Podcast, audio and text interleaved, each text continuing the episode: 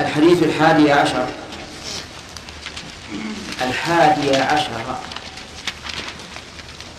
صفة للحديث. لكن لماذا نصبناه؟ ولم نقل الحادي عشر. لأنه مركب مع ما بعده. مبني على فتح الجزئين. فهو مبني على الفتح. وعليه نقول الحديث مبتدا الحادي عشر جميعا آه، خبر المبتدا. عن عن عن أبي محمد الحسن بن علي بن أبي طالب رضي الله عنه نعم ابن أبي طالب سبط رسول الله صلى الله عليه وسلم وريحانته الحسن بن علي بن أبي طالب رضي الله عنه سبط النبي صلى الله عليه وعلى اله وسلم. وسبطه يعني ابن ابن ابن بنته. وابن الابن يسمى حفيدا. وقد وصفه النبي صلى الله عليه وعلى آله وسلم بأنه سيد. فقال إن ابني هذا سيد. وسيصلح الله به بين فئتين من المسلمين. وكان الأمر كذلك. فإنه بعد أن استشهد علي بن أبي طالب رضي الله عنه وبويع بالخلافة للحسن تنازل عنها لمعاوية.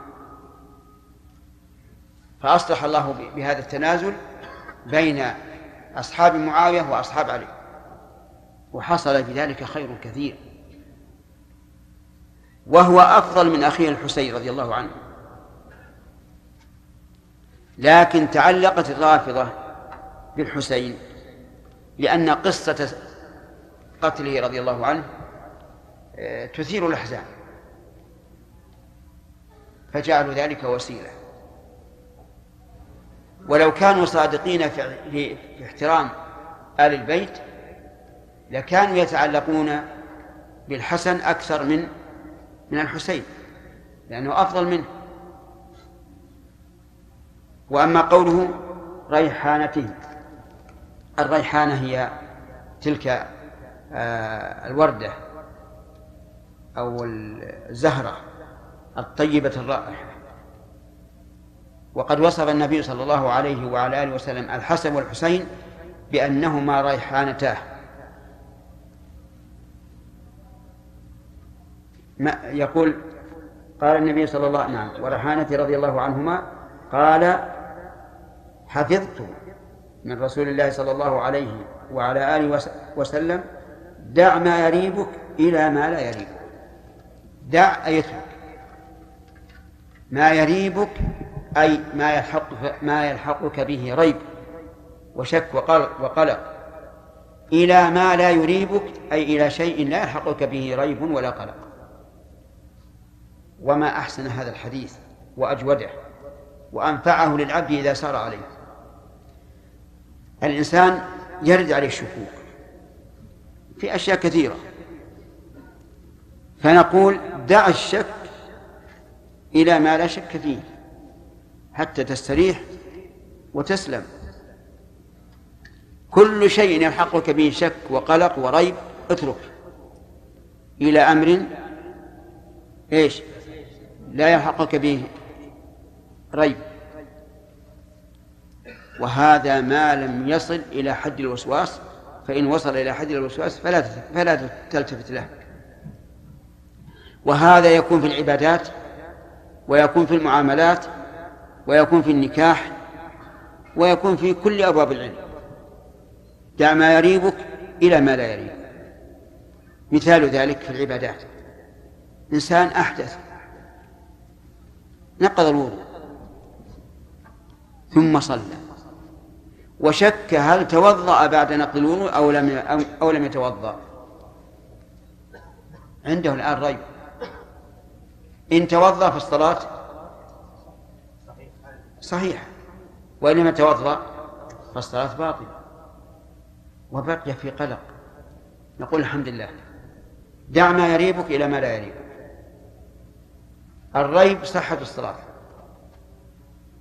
وعدم الريب أن تتوضأ وتصلي. طيب. عكس ذلك رجل متوضئ وصلى وشك هل انتقض وضوءه أم لا ماذا نقول؟ نقول دع ما يريبك إلى ما لا يريبك. عندك شيء عندك شيء متيقن وهو الوضوء ثم شككت هل طرأ على هذا الوضوء حدث أم لا؟ ما الذي يترك؟ الشك هل حصل حدث أو لا. وريح نفسك. اترك الشك. وتستريح. طيب. في الصلاة إنسان شك هل تشهد التشهد الأول أو لا. فعنده الآن قلق. إن لم يكن تشهد التشهد الأول فعليه سجود السهو. وإن تشهد فلا سجود عليه. فماذا يصنع اختلف العلماء رحمهم الله في هذا. منهم من قال يجب عليه السجود. لأن الأصل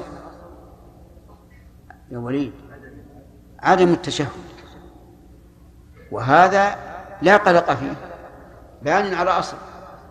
الأصل عدم التشهد. ومنهم من قال لا يسجد. لأن سجود السهو إنما يجب إذا تيقن أنه ترك التشهد. فهو شاك في سبب الوجوب والأصل عدم الوجوب أي عدم وجوب السجود السهو. إذا قارنا بين التعليلين وجدنا أن التعليل الأول أصح وهو أن الأصل إيش؟ عدم التشهد. فنقول دع ما يريبك إلى ما لا يريبك واسجد سجد السهو وانتهى الموضوع. واضح؟ طيب. كذلك أيضا في النكاح. شك الإنسان في شاهدي النكاح. هل هما ذوى عدل أو لا. فنقول إذا كان الأمر قد تم وانتهى فقد انتهى على الصحة ودع القلق لأن الأصل في العقود إيش؟ الصحة حتى يقوم دليل الفساد. طيب. في الرضاع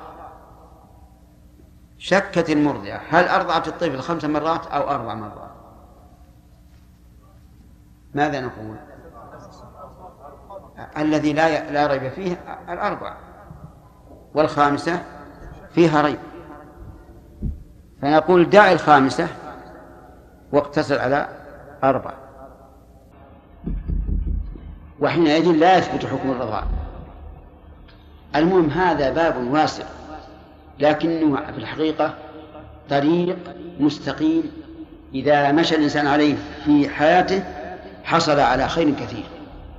دع ما يريبك إلى ما لا يريبك ذكرنا أن هذا مقيد بما إذا لم يكن وسواسا وسواسا. فإن كان وسواسا فلا يلتفت إليه. وعدم الالتفات إلى الوسواس هو ترك لما يريبه إلى ما لا يريب. ولهذا قال العلماء رحمهم الله الشك إذا كثر فلا عبرة به لأنه يكون وسواسا. وعلامة كثرته أن الإنسان إذا توضأ لا يكاد يتوضأ إلا شك. إذا صلى لا يكاد يصلي إلا شك. هذا وسواس. فلا يلتفت إليه. وحينئذ يكون قد ترك ما يريبه إلى ما لا إلى ما لا يريبه طيب. إنسان أصاب أصاب ثوبه نجاسة وغسله وشك هل النجاسة زالت أو لم تزول؟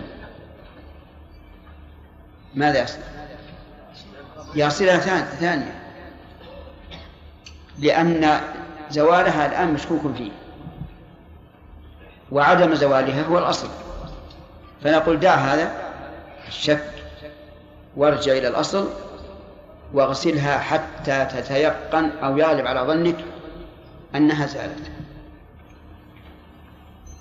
طيب. دع ما يريبك إلى ما لا يريبك. قال رواه الترمذي والنسائي وقال الترمذي حديث حسن صحيح. والحديث كما قال الترمذي صحيح لكن في في الجمع بين كونه حسنا وكونه صحيحا إشكال. لأن المعروف أن الصحيح من الحديث غير الحسن.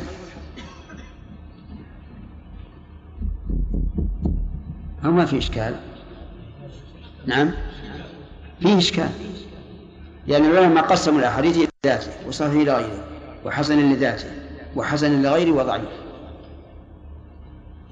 فكيف يجمع بين وصفين متناقضين لموصوف واحد؟ حسن صحيح. كيف هذا؟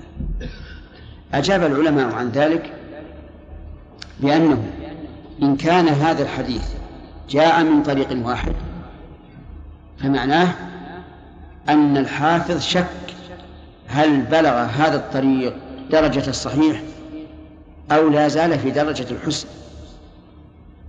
إذا كان من طريق واحد وإذا كان من طريقين فمعنى ذلك أن أحد الطريقين صحيح والآخر حسن. وحينئذ إذا سئلت أيما أقوى أن يوصف الحديث بالصحة أو بكونه صحيحا حسنا. إن قلت الثاني غلط. إن قلت الأول غلط. فصل. نقول إذا كان من طريقين فصحيح حسن أقوى من صحيح. وإن كان من طريق واحد فصحيح حسن أضعف من صحيح لأن الحافظ الذي رواه تردد هل بلغ درجة الحسن آه الصحة أو لا زال في درجة الحسن؟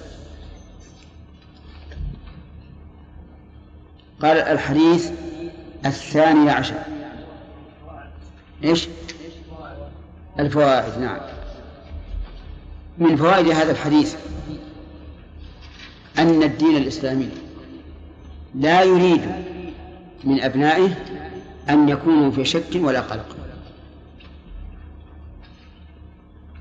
لقول جاء ما يريبك إلى ما لا يريبك.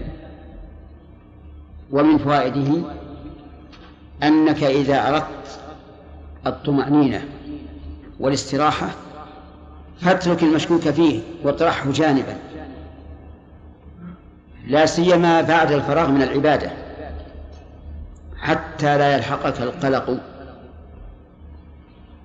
وقولي لا سيما بعد الفراغ من العبادة لا بد أن نمثل رجل طاف بالبيت. وانتهى. وذهب إلى مقام إبراهيم ليصلي. فشك هل طاف سبعا أو ستا. ماذا يصنع؟ لا يصنع شيئا. لا يصنع شيئا. لأن الشك طرأ بعد فراغ العبادة. إلا إذا تيقن أنه طاف ستا فيكمل إذا لم يطل الفصل. مثال آخر رجل انتهى من الصلاة وسلم ثم شك هل صلى ثلاثا أم أربعا. ماذا يصنع؟ لا يلتفت هذا الشك. الأصل صحة الصلاة. ما لم يتيقن أنه صلى ثلاثا فيأتي بالرابعة إذا لم يطل الفصل ويسلم ويتشه ويسجد للسهو ويسلم. ومن فوائد هذا الحديث أن النبي صلى الله عليه وعلى آله وسلم أعطي فواتح الكلم و واختصر له الكلام اختصارا. لأن هاتين الجملتين دع ما يريبك إلى ما لا يريبك. لو بنى الإنسان عليهما مجلدا ضخما ما استوعب ما يدلان عليه من من المعاني. وأظن انتهى الوقت الآن. والله أعلم وصلى الله وسلم على نبينا محمد وعلى آله وصحبه أجمعين.